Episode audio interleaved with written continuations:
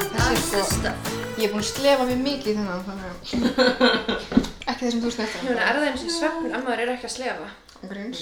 Ég glemdi sko, Alltaf að okkur styrlaða staðar. já ég glemdi að tjekka hver ætti að vera með styrlaða starrend í dag. hérna? Ég get alltaf sagt það sem Melkor sagði mér, sem er bara okkur ógeðslega hérna staðar en ég er Ómega oh sigur ógstu Æ, starrend. þannig með keðjusug. Já. Nei, ég vil ekki vita. Nei, ég vil ekki veit Og hún svo passar við efnið þá hvað þáttarins. Já. Er það, já, Barnagnir. Eh. Ah, það er svolítið gráft. Já, okkur getur kannski sagt bara, var ekki, var ekki það sem þú segir okkur bara að það er fundið upp í, í samband við basfæðingar? Keðjur sig. Jú, jú. Ég, svo voru líka með eitthvað annað. Ímyndunarafli. Já, er það ekki alveg nóg? Það minnst það meira en nóg, sko. Það er meira nóg, já. En það er spurning hvort við séum, ég er með geggjum meðmæli reyndar. Ég var að byrja að followa gælu sem heitir Kathy, sem er bresk einstæð mamma. Og hún er bara svo ógeðslega amazing. Þú veist, af því ég Ok. er búin að vera að skoða í mig svona mammublog og dót. Hún er dætur sem er eitthvað 6 og 30 ára eða eitthvað. Og hún er bara gegn húl og gegn við þetta og bara eitthvað, maður gegn mikið skinkjær dæmi. Ú, Og þú veist, ég er bara eitthvað að gefa mikið að tala um eitthvað svona ableisma og rasisma og fullt af ismum sem ég fíla. Ok. Og hún er bara með gera gott content og líka þú veist, hún er bara eitthvað, býr ekki í einhverju svona marmarahöll. Þú veist, Nei. það verðist bara mjög fínt heima hjá henni, en þú veist, aðalega er ekki eitthvað að sína hluti og föt. Hún er bara að sína, Hvað ok, heitir hún? hún heitir eitthvað That Single Mom á Instagram Ok. og hérna, og mér finnst hún bara að gefa mikið vera bara svona, einmitt- mjög mikið skincare og líka mjög mikið bara eitthvað, hei, svona er lífið, svona er ég börn, svona er, þú veist, rasismi í Englandi, hætti að vera leiðileg. já, Þannig að hún er bara að gegja með þetta. Erum við byrjað að taka upp? Mhm. Já. Langt síðan. Ok, að það eru nice. meðmælin mín og ég er að Meðmælin. mynd sjaldan sé að finna eitthvað á þú veist, Instagram sem ég langar að followa og vera eitthvað yes girl. En nú er ég bara yes girl. Yes indeed. Er Katish. Bergrún byrjuð, hún er að opna bjórinn maður. Miðvikudagskvöldi. Við erum alltaf að draka bjóri við hérna. þetta. Nei. Skoðanabræði gerir það alltaf fyrir bjór. Nei, ekki alltaf. Ég held að sé alveg margir sem eru að taka plæðverk og er alltaf Mhm. að fá sér á meðan. Oh my god, ég sá eina podcast fella í laugin á hann sem ég hlustaði stundum á í sumar þegar ég leittist til að sopna. Kynntistu þeim? Eða kynntir þig, sæl, ég er samstarfskona Það eitthvað. hefur verið ógslag fyndið. Nei, ég Samstæð. veit bara hvernig ég Sælir til kollegar. þeirra. Já, sæli kollegar. Oh my god! Það var Ég ekki ætla, hvað. ég ætla að þekki Ah, ekki neitt, en ég ætla að reyna að gera þetta.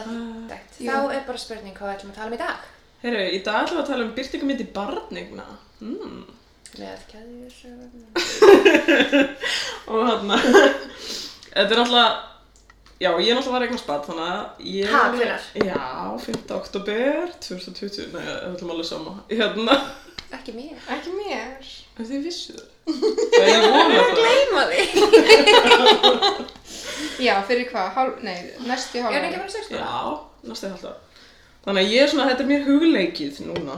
Já. Og uh, sjöfn, þú ert mamma, stjúpmamma. Já, fullt af bönnum, hrúur, haugar. Bergrun er ekki mamma. Ég á- Ég á engi börn og ekki verið sem að mér langi börn. Nei, en það er bara skemmtilegt að það var alls konar sjónur hérna á þetta. Þess að umræðu, þannig að tekjum allar byrtingamyndina samt. Eða Já. hvað, ég er einmitt hugsa ógstlega mikið um þetta. Þá bæði svona í sambandi við svona Ísland og útlönd og samfélagsmiðla og lífið, þannig ég er bara mjög spennt.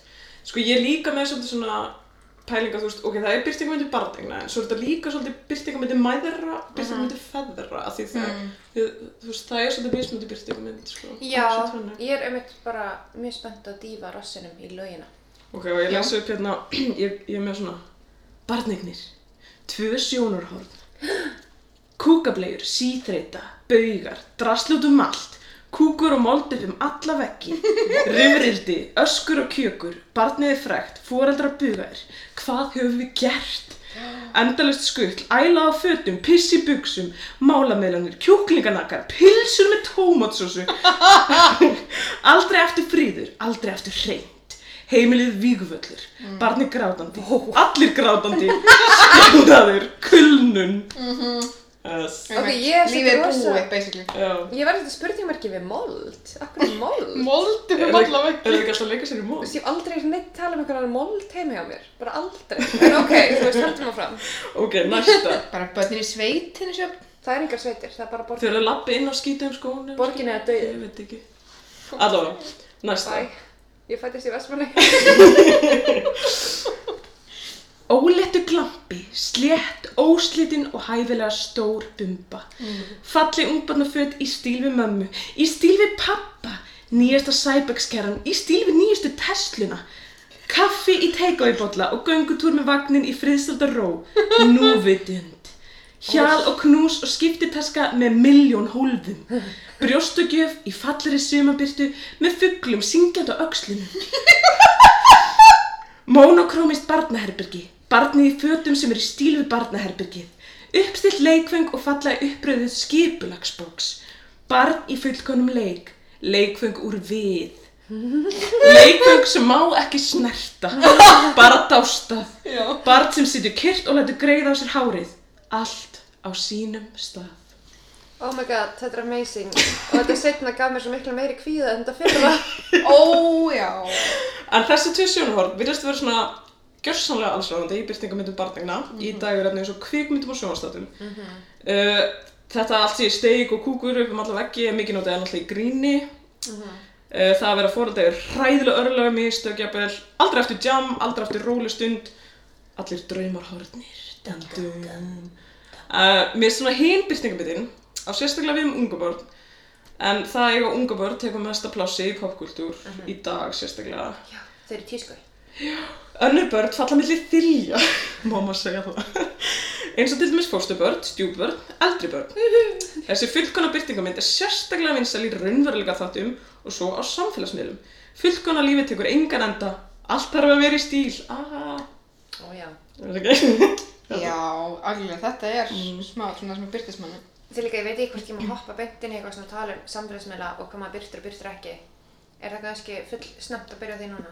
Já, alltaf lagi. Af því þú veist, mér er bara svo hugleikið, þú veist, af því ég, eins og fræktur orðið, hjá öllum sem þekkja mig, er ég búin að vera að hlusta á podcastið Under the Influence með Joe Piazza Já. sem fjallar um semst bara mömmu bloggara, þú veist, mömmstagramara Mhm. og erum þetta að pæla í, þú veist, tekur þetta fram í mörgum sjónarhóttnum eins og bara, þú veist, að ég veit ekki, það er ekkert bara verið að rífa þetta niður, það er bara verið að pæla í þessu. Og það er svo áhugavert og þá fyrir lýsa einhverja greinar og dót og mér er svo áhugavert að pæla í bara hvað þú ert að byrta og hvað má byrta og bara hvena barnið er einstaklingur og hvena þú getur verið að byrta hann. En svo mín börn eru hvað, 14 og 7 ára og ég set eiginlega ekkert af þeim á samfélagsmiðla af þau eru, þú veist, svo stór. En ég, er samt, ég var bara, ef þau væri 20 ára, væri það alltaf bara að sjá þetta barn, eða þú veist. Nei, svo er það líka, þú veist, eins og ég man að, þú veist, uh, ég vona að enginn sé, ég ætla, ekki, ég ætla bara að neipdroppa þegar ég er að tala eitthvað fallega, eða ekki,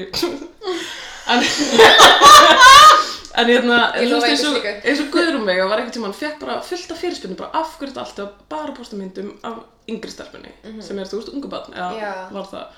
Og hún bara, eitthvað, sorry, svona minna 13 ára, hann vill ekki láta taka myndir þessu, ég Nefnilega. virði Já. það, Mhm. skilur þú, það er líka, Ég líka var að Náttúrulega. skoða hvað heitir gjallan sem eitthvað svona Æ, það er ekki skiptir ekki máli hvað hann heitir einhver svona tískugjalla sem á börn og það postar rosa mikið að þeim og svo postaði hún einhver tíman eitthvað eldri svo að mér hefur beðið mig að hægt taka myndir á sér og ég ætla að vera það á það og svo bara yngri og ég var eitthvað svona, hmm, áhugavert Já. og svo var ég að lesa greinina nei ég sendi ykkur ekki þá grein, ég var að lesa grein um mömmubloggara sem postaði eitthvað svona dóttu mín bað mig að hætta að skrifa um hana og ég sagði nei Og Já, já, þú veist, Þetta var var ekki svolítið verið frægt. áskýranar, bara, ha, var ekki verið áskýranar. Nei, það var svolítið frækt fyrir einhverjum árum, hún skrifaði sem 2016-17 og þá er dóttirinn orðin eitthvað svona 14 ára og fann mömmubloggið sem mamman að meðan bara mamma, hvað er þetta? Akkur sem ekki myndir að mér og akkur allt um þegar ég var alltaf að kúka í mig og eitthvað Þetta er fárlegt, viltu taka þetta niður? Hún bara nei og viltu hætta að byrja myndir að mér? Mamman skrifaði einhvern pistil bara nei, ég get það ekki, þú er partur af mér og þetta er það sem ég geri og svona tekst ég á við Vá. lífið og eitthvað og hún var alltaf bara rifin í tætlur á samfélagsmiðlum, það var ekki hræðilegt Já. og þú veist komin um eitthvað dæmi eitthvað bara svona heigjala, hvernig finnst þér maður og þinn að vera rithöfundu og vera alltaf bara eitthvað svona að skrifa um öll nánustu samskipti ykkar á netið myndi þér finnst það í lagi að það er bara partur af honum -hmm. og eitthvað, þannig að það var kannski svolítið ekstrím dæmi, mér finnst það mjög áhugavert En þetta er náttúrulega, þú veist, maður pælar oft í því hvað munu börnin segja í framtíðinni, þú veist, um það að maður postaði bara einni mynd á dag eða eitthvað. Mhm. En ég veit að við höfum miklu meira að segja um samfélagsmiðla, en ég samt skrifaði smá um kvikmyndir og sjónstætti. Já, Ætti ég að, það er mjög sniðt að færa það, ég mynd, eins og ég sagði, ég vildi ekki byrja að hoppa beint í þessa grefju en það er einmitt bara staðinu sem ég var að rannsaka já, nefnilega, sko, en ég mitt, hitt er meira juicy, en, þú veist, Byrtingamindir í kvikmyndum og sjónastáttum eru kannski svolítið svona grunnurinn af því hvernig fólk er að byrta síðan á samfélagsmeilum. Algjörlega. Svo í þa þetta þarf eiginlega að skipta til tvent af því að það er mjög erfitt að finna bara um fóreldra nema ég fann lista um svona bestu fóreldrarna í popkultur við getum farið í gegnum það á eftir. Ú, Það gæti verið ókei, skemmtilegt. spennandi, já. Ef við að fara fyrst í gegnum það þannig að við séum ekki bara í niður yfir það. Já, ef það ekki, fínt að hafa svona... Jú, byrjum á því. Ok, það var, það var nefnilega bæði sko listi við bestu fyrirmynda fóreldan í popkultúr og svo var líka hérna í bókmöntum og svo listi við fóreldan sem fólk telur vera góða en eru það í raun ekki. Dun, dun. Love it, twist. Ok, ég tók bara svona það sem ég þekkti. Ógeðslega góð. Þannig að listi við bestu fyrirmynda fóreldrana. Númer eitt voru fóreldrana í Juno. Já, Þau er alveg, þú veist, eins og, stjúpmamman og pappi. já, pappin er eitthvað svona, hún, þú veist, segir að hún sé Já. ólétt og hann Já. tekur það gæðat vel Já. og, þú veist, er bara gæðat næs. Þeir eru mjög næs. Svo nummið tvö, hérna Lorelai Gilmore Girls. Mm. Ég hef aldrei séð Mhm. Já, hún Ég var er ekki með- ágætt fólkri. sjónvarp. Hún er svona, já, ágætt, öðruvísi fóldri, ég veit ekki. Svo, ok, þetta er enda svona, uh, fólk er ekki endilega sammála þessu, sem segja að þetta sé slæm í mynd. Phil Dunphy Modern Family. Sko, ég held að það sé, hann sé gott fóldri og ömuleg maki. Já, hann er svona, hann er alveg gott fóldri, en á sama tíma er hann ógæslega stereotypísku svona pappin sem er hálfviti. Já, svona Já. klúles og... Þú Þú veist, ég svona segi lúf. aftur, ég held að hann sé alveg skemmtilega eins og pappa og ömulega eins og mann. Já. Þú veist, ég var ekki að henda á mér ruslið mjög oft. Sko, mér finnst þessi listi líka vera, sko, þetta er gaman listi líka, því þau, það var líka Brad Pitt og Andrew Jolie og ég var bara, sorry, það er weird. Já, það Það er passar ekki alveg núna. Nei. Nei, það er svolítið líka skrítið kannski bara... En svo var hérna Mortician Gomez Adams, mér finnst það skemmtilegt. Mm, Já, voru þau ekki svolítið skemmtilega, já. Já. Og svo be bestu fórhaldin í bókmyndum, hún var Atticus Finch í To Kill a Mockingbird. Allir auðvitað. voru sko- skottin í honum. Já. Alveg svo Kate Murray og Rinklin Time, ég var til að lesa hana. Ekki heldur. The Weasleys í Harry Potter. Þau eru beip. Já. Og Marmee í Little Women, þú varst að lesa Little Women. Ugh. Berglind. Já, svo leðileg, hérna, mm, jú, fín móðir, eða þú veist, mm. papp, sko pappir er það bara eitthvað í stríðinu, hún er með þær, svo þarf hún, já, jú, jú, bara, ég sá ekki það henni, þannig, sko. Nei. Eða Ég þú veist, með við tíma á stað, bókarinn og Ég bætti við þetta pappi Einars Áskjöls. Já, Ég var hann ekki- er aldrei að fylgjast með honum. Ég var eitthvað bestur. geggju týpa, hann reykir reyndar en... Og mér sem aldrei verið að fylgjast með, hann er bara að lesa blaðið og eina Ok, áskall reyndar. gengur versarskap. en þetta var bara mín viðbútt sko, þannig að hún hefði... Já. Já, þetta er svolítið áhugavert. Hvað með, hérna, muni eftir bókunum um hana gamla kallinn sem átti köttinn? Já, Hann var góðu pappi. hann var rosa góð pappi. Samt átti bara kött, ekki, ekki svo hann. Hann var rosa góð kísa. Hvað með pappa gósa? Nei, ekki pappa, jú. Jú, Jú eða hann þú veist veist hann. hann að smiðin. Já, hann virðist alltaf meina rosa vel. Þú veist, hann vill eignast barn og... Mm, Já, er einstæður einstæður. maður náttúrulega 1920 í Ítalíu, er alveg erfitt að eignast bann sjálfur. Það er Nákvæmlega. náttúrulega ekki honum að kenna að gósi leittist aðeins út af beinubröndinni en hann kom aftur til pappa síns. Akkurat. Hann leita hann, var það ekki? Já. Já. Jú, það hann var myndi- rosa leiður og þú veist. Mér er alltaf snýst ekkert um þeirra samband. Nei, en ég held að það sé ekkert að kalla hann vond fóreldri. Já. Mm, já. Svo ætlaði ég að finna hérna, ok, listin, ég búið kannski fyrir hrattið söga, þau eru alveg 23 fóröldrar Hvar? Í Hér? Eru þarna- þeir að horfa? frá hver, sem, sem maður heldur að séu góður en er það ekki. Og ég er ekki spennt. Ok, það er hérna, fóröldrarnir eru í Parent Trap. myndin Þeir með eru Lindsay Lohan. ömulegir, Já. hver skilur að sískinu og Já. segir þeim ekki að þeir Það eru er- sískinu. Ömulegt. Og líka hérna fóröldarnir í Frozen. Ok, þau deyja bara. Ætjók, þau læsa Elsu inn í einhver herbyggja og Já. það er valdrótt. Ok, það er ekki gott. Já, mál. svo degið. Já, ég mynd. Uh, svo var eitthvað hérna... Ok, já, mér finnst þetta mjög gott. Hérna, að hérna fóröldarnir í Stuart Little. Sem ætlaði mús. Af því þau eru eitthvað svona... Æ, það var, þú veist, þau eru bara eitthvað, ok, það er fullt af börnum sem er ekki heimil og þú bara ætlaði eitthvað fokkin mús. Já, fínu. Það er alveg skrítið, sko. Jaha. og svo náttúrulega uppáhaldið okkar, Ross, frá, úr Friends. Já, ok, hann er umhverfilegt fóreldri maður. Hann bara svona gleymir Ben, þú veist, Og eftir að líka, eignast emmu. Ben má ekki leika sem er Barbie dúkku. Mhm. Já. Peppa Pig. Já, Sorry, svo ok, ég hef ekki skrá. hótt ná mikið á hann. Jú, fórhaldan í Peppa Pig eru vist ömulegir. Er það? Af hverju? Eitthvað mamman er alltaf eitthvað að seima pappan fyrir fram Ah. Ah. Já, já, það er ekki mjög fallegt Það er mikið að pappi pig. Já, Já, svo er eitthvað svona Já, Marlene Giggs Nope úr hérna Parks and Recreation Mjög skil mm. Veitu hvað hver? Mamma Já, mamma Leslie. Leslie. Já, hún er umlega, það ekki? Jó, En það er ekki alveg eitthvað svona gefið hörð. sko En við kannski vindum okkur í mömmu hérna stereotypunar Ég ætla bara að slæta því fram að maðurinn sem gerði því Parks and Rec finnst nöpp sem byrja á K en ógeðslega fyndin. Þess vegna Nope Já, Þegar það er silent K eða? hún finnst það bara hilar. ok, það er fyndið. Mér finnst það æðislegt. Ok, eitt svona, ég skrifaði hérna niður eitthvað úr Parks and Recreation, ég var að horfa á þátt og það var eitthvað að vera að tala um börnin eitthvað, það átti að loka einhverjum almenningsgarði og það var einhvern sem var eitthvað What am I supposed to do with my kids? Keep them in my house? Where I live? Já, þetta er svo góð lína. Ég hlæ alltaf á þessu. Það er svona að vera svo mikið, bara eitthvað svona, eins og sem við fóreldri í dag, sorry, Já. eða þú veist Ég með það, já, þetta er alveg svolítið nálið það raunveruleikanum. En sko, þegar ég skoðaði þá, þú veist, uh, listi yfir rang- rangfærslur kvikmynda um móðurhlutverki, það var alveg bara svona 14 rangfærslur. Að meðan papparnar eru alltaf svona, það er svona fjórar stereotypur. Skellið pappin, leðileg pappin, feiti pappin. Já, Heimski pabbi. plati, já, mitt. Já, nefnilega, það er hérna halvvita pappin, ofur karlmannlegi næstum ofurhetjulegi pappin Ég glemdi honum. og, og, og svona man-child pappin sem Ó. þroskast með barninu sínu. Ói! En hvað sagði þú? Já. Þú varst með eitthvað annað? Ég man ekki hvað ég sagði. Nei. Ég sagði feiti pappin, eins og ég svona King of Queens. Þú veist, hann er svona latur og feitur og heimskulegur. Já. Mhm. Einmitt. En já, þú veist, þessar uh, byrtingamindur hafa ógst mingil áhrif á hvernig við sjáum föðurluturkið sem er, þú veist, föður ógstlega sjaldan síndir sem umönnunaraðalar eða Já. sem mjúkir í uppeldi. Uh, já, þannig að Það þetta er líka svo oft eitthvað svona, þá er það bara þingið sem myndin er um. Eitthvað Já. að sjá þennan pappa sem heldur á pela og bleið og er eitthvað super dad. To the daddy. er, það er svo ógstlega oft líka svona myndir að sem er eitthvað, ó nei, pappin er einn með barnið, sjá hvað fer úrskeiðis. Ok, eins og munið í Friends þegar Ross er að passa barnið og Chandler og Joey gleyma því í strætó. Já, já, já. Ó, ég man ekkert eftir Þeir left the baby on the bus. Ó, ég held ég ekki sé. Mhm. Svo tókuðu vittlaus barn heim. Já, oh my god. Hræðilegt? Ef, ef Já. sjaldan þau tekið vittlisbad, svo var það eitthvað, hú, eitthvað. En Var þau tókuðu það- ekki vittlaust.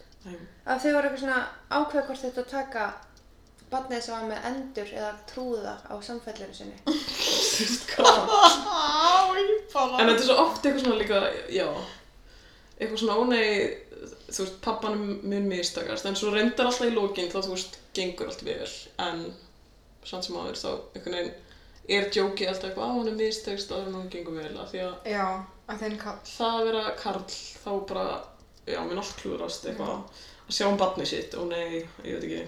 Þannig svo hvar ertu stödd í Working Moms? Ok, Working Moms, vá, Comedy Gold, sko, ég ætlaði að mynda þetta, þú veist, geggjar þættir. Nei, ég er að pæla hvernig er status á gælunum með stuttahárið og pappanum sem er heima með barnið. Uh, hún er svona, ég held ég sé komin á eitthvað fjórða þátt eða eitthvað. Já, ok. Það kemur allt sérna. En já, Working Moms og Netflix mælum með. Það er mjög skemmtilegt. Mér finnst þetta að vera svona, það er alveg svona kristallast svolítið raunverulegin. Það er verið ekki grínast með margt. Já.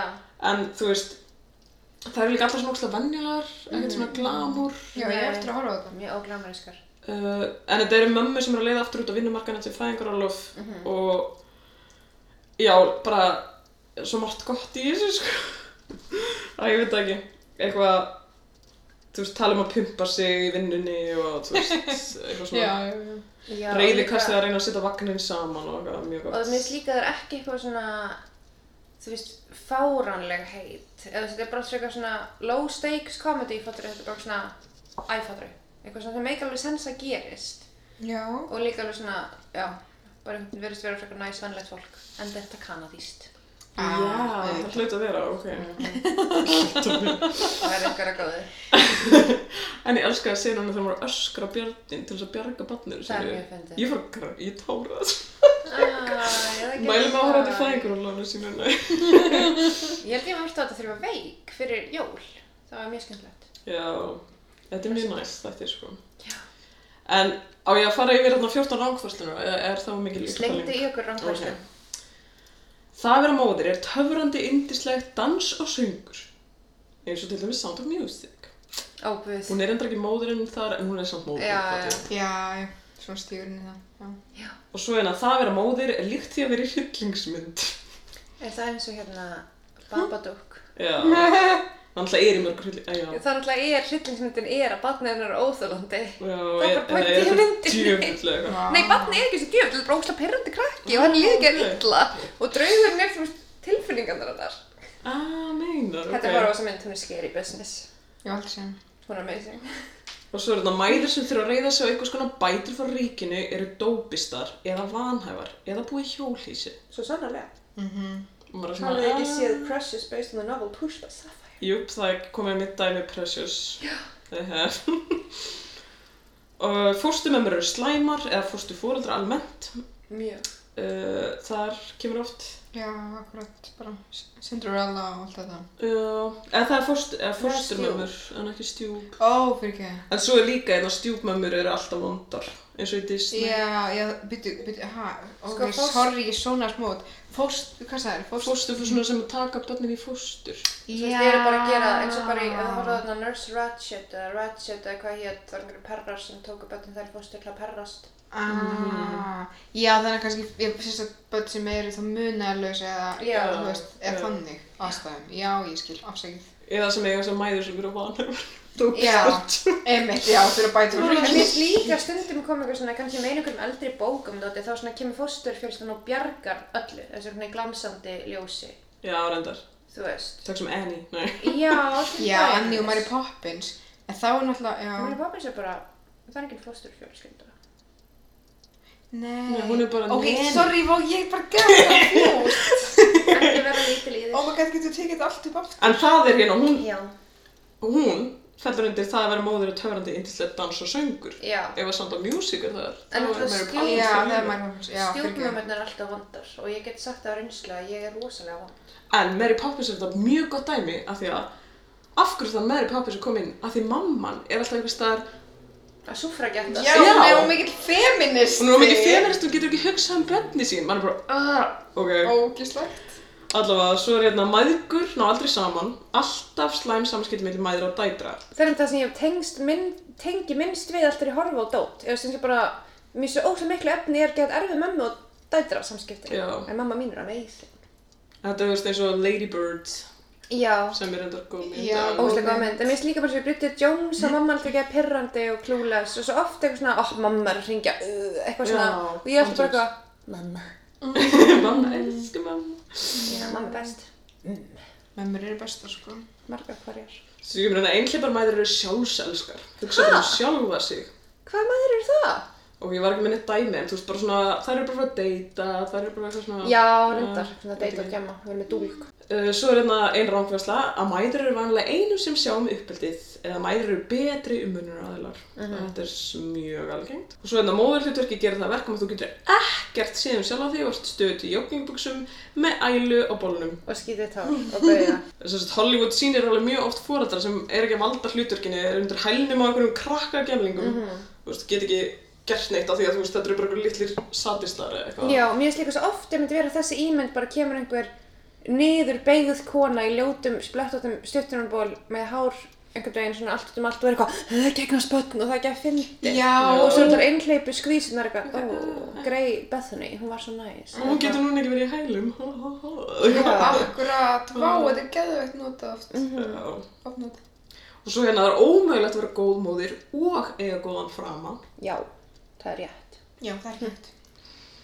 Mæður sem eru á vinnumarkanum uh, eiga börn sem eru ekki með nóg, nógu góð, góða tengslamyndun eða eru líkla börn. Já. Það er sem sagt einhver svona börn sem eru ómögulegt að hafa heimil á. Þú veist, ég, eina dæmi sem að kom upp var Home Alone, ég var eitthvað lól. Já, þau glemdu honum samt bara heima sko, það var svolítið vandræðilega En það var svo mikið bara eitthvað eins og, þú veist, mamman var eina sem var eitthvað miður sín. Já, og svo líka, hann er bara ömulegu krakki, hann er bara eitthvað fokkið ykkur, tusinar eitthvað Já, Kevin, eitthvað Og svo hérna mæður hafa engan annan tilgang í lífinu en að vera móðir. Allt líf þeirra snýst um börnin. Já, það er rosa vinsælt. Það er bara Mm. þannig mamman. Hún er mamman. ok, ég bara finn, þú veist, að þessar byrtingamyndir hafa alveg mjög mikil áhrif að því ég, þú veist, er oft bara eitthvað, á ég ekki bara að vera að hugsa um bandið mitt. Það var drúkslega steikt. Mm. Þetta er sko. En það er náttúrulega allt sem við svona tökum inn í samfélaginu hefur áhrif eða þú Já. veist nefnilega. Og líka sérstaklega samfélagsmyndlega eins. Já, mér finnst líka svo oft þegar fólk er nýbúin með barn, eða fyrir ekki fólk, þegar konur eru nýbúin að eignast barn, er fólk hættur að spyrja hver barnið er, ef það er ekki með það. Já. Þú veist, ef ekki gera ráð fyrir að þessi kona hafi komið fyrir einhvers staðar, þú veist, er það hjá maka konunar í pössun, þú veist, að það kemur ekki við og b, gerum ráð fyrir að hún hafi ekki bara gleymt því á gólfin einhvers staðar, þú veist, Já. bara hvað er bla bla, Já, Maður er væntalega er hitt fóldri með það eða það er í pössun einhvers bara- staðar. já, eða bara, þú veist, Það var svo gott að Ekki svara því. ákveðið. Oh my god, ég glemdi. Já. Æ. og svo þetta, mömmur sem taka þátt í, mér finnst þetta að fyndi, mömmur sem taka þátt í fóreldrastarfi í skólum barnana eru snarklikkar Stafford Wives. já, þetta er þetta er svo oft. ógeðslega algengt, Bara bara svona- skrítið. Já. Þær eru alltaf bara einhver nasistar eða eitthvað, þú veist. Já, og líka, eða af fasistar. hverju, ég veit ekki, hvað, þú veist, Þú veist, hérna, mig Nei. alveg... Meir ykkur sens. Nei. Já, akkurat. Og svo eru mömmur sem eru, já, út í vinnuverkanum eru eitthvað, ó, ég glemdi að að baka og kaupa ykkur óksla köku. Eða eitthvað svona. Já, og þá er það líka bara eitthvað þjóðarmorð. Já. Ég hef aldrei farið neitt sem kemur með tilbúna köku og fólk segir neitt. Fólk bara eitthvað, nam, Já, bara þetta er ekki sett hann á borðið, þú veist. Akkurat. Og svo er þetta síðast að tengdamaður eru klikkar og eiga erfitt með að sleppa takinu. Já, það er Þetta er þetta rétt, nei, ég tjók. svo. Já. Nei, samt, þú veist, þetta er, já, hefur áhrif á hvernig maður Er það verið að meina tengdarmömmur sem eiga sinni sem eru giftið Já. í konum? Alltaf sín. Já, Já. þetta er eitthvað svona my Já. special Það er eiga alltaf boy. erfitt með að sleppa takinu svona, sko. Ég veist að halda fram að mamma mín eiga erfitt með að sleppa það að gera mér. Hún er með mig í vasanum. Það er kannski, jú, eða þú veist, er það ekki stundum ykkur gæri eða eitthvað, ó, tengdu mamma minni klikkuð. Miklu minna finnst mér. Eða mér finnst alltaf verið eitthvað svona að þú ert að fara að vera eitthvað svona special woman í lífi palla litla og mamma hans er abbó eða eitthvað. Og bara, ó nei, eða, Það er klípsitt í. En ef að, ok, nú getum við farið í samfélagsmiðluna. Ú, ú, ú. Það sem við höfum öll beðið eftir. Akkur er ég að syngja þessi pakka? En ég er smá svona, já, uh, samfélagsmiðlastjörnur og svo, svo sagði ég líka raunveruleika stjörnur af því að mér finnst samfélagsmiðlar vera svolítið raunveruleika Það er svolítið farið að leka yfir, Svona Kim sko, K. líka þegar fólk er með ógeða sem mikið af followerum og þú veist þannig þá er þetta basically orðið litlum raunveruleika sjóðust. sjóum, þú Já, veist. það er alveg svolítið svona ting. Já, Ég vona, eða þú veist, ok, nú er ég kannski að vera hljóma leiðilega og mom shama sem maður má ekki gera. Ég veit að, þú veist, allar mömmur eru bara að reyna að gera sitt besta. Uh, en byrtingamyndin sem, þú veist, er á samfélagsmiðlum er einhvern veginn svo, auðvitað, þú veist, er byrtingamyndin bara lítið brot af lífi fólksins. En það er að börnin séu fylgihlutir. mjög mikið. Mm. Bara þau eru klætt í þessu krútlega litla átfitt og sem eru í stíl við fötmömmunar alltaf. Mhm. og þetta er eitthvað tískuföt, þar sem ekkert endilega verið að hugsa um henduleika eða, þú veist, hvort barninu verið kalt Já, og þetta er alltaf bara eitthvað man babies eða eitthvað woman babies lady baby. og ég, ok, ég er búin að vera að hugsa um þetta mjög lengi en svona duggara húfur mm -hmm. við tökum að tala um svona Mhm. Já. húfur sem fara ekki yfir fokkin eirun Já. ég er bara svona barnið þitt er með eiru og húfur eru til þess að setja yfir eiru Já. Ég sko hef pælt í Hún þessu bókstaf- líka Bara því börn hún eru er alltaf með eyrnabólgur og eitthvað. Þetta er mjög skrítið, sko, af því eins og, mér finnst- einu sem þetta make sense eru gamli kallar, eins og einn afi minn er með skallar, alltaf með húi bara á skallanum, ég leiði honum það. já, ég er líka bara svona ef þú Hann er ert fullur 80 ára.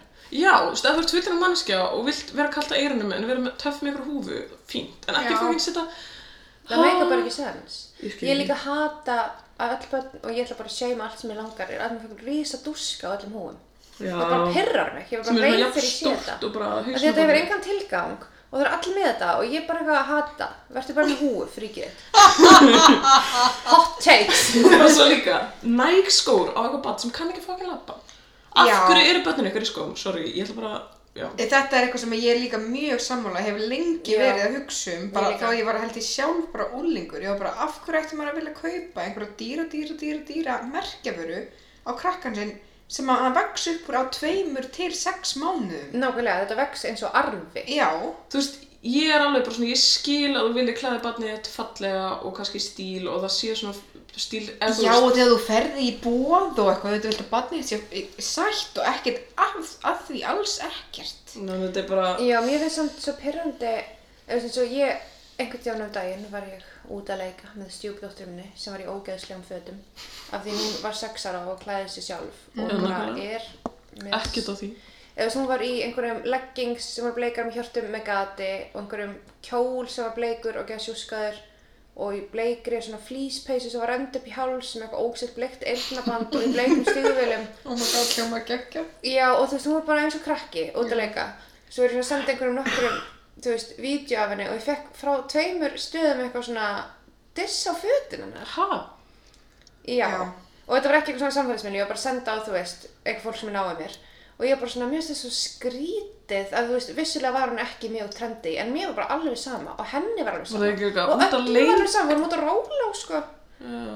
Ó, Já, já. einmitt, ef krökkum líður vel, ég man því ég var au-pair, þá setti ég óvart einn yngsta barnið eins og ný bara í náttföt. Þú veist, ég var held ég bara frekar nýbyrjuð og ég setti henni í náttföt og fór með henni úst, út að labba ná í systur hans á... á- Sem ekki helst að veri föt. bara. Já, af því mér finnst bara make a sense að eins til tveggjara börn sé bara í ykkur svona mjúku. Algjörlega. Ég myndi aldrei setja tveggjara börn Í fokkin gallabúsi. Já, nei, ég ég bara ímugst það, ég, bara- ég þól ekki tilhugsunum um það. Já. Þú veist, mér líður í, í gallabuxum, akkur þetta er barni sem er alltaf að hreyfa sig, alltaf að skríða og hreyfa sig Mhm. og eitthvað, já. Þannig að ég sett hann í, í náttúrulega og þau gerðu mjög mikið grunna mér, sko, fóldarnir. Já, ok. Mér varst bara ekki það.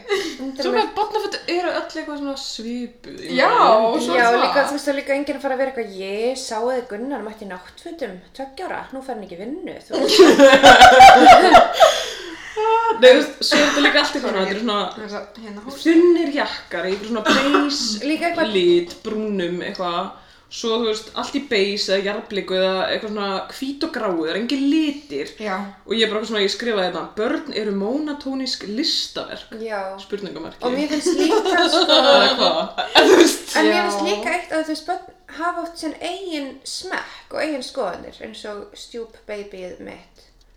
Er, Já. þú veist, hún vill bara vera klædd eins og prinsessa. Mm. Og þú veist, ef við fyrir mér búið, við hefum alveg gert þetta og tekið, þú veist, eitthvað sem okkur finnst flott og verið eitthvað, vilt fara í þetta, hún bara vill ekki fara í þetta. Og hún vill fara í ljóta hjólinn sem er eitthvað fullt af blúndu. Og þú veist, er það ekki bara allt í lægi? Þú veist, af því aftur hún er bara lítil manneskja. Og þú veist, við, sérlega, við höfum hana, þú veist, ekki skítuga í ripnum fötum þegar hún fer eitthvað nema út á róla, kannski.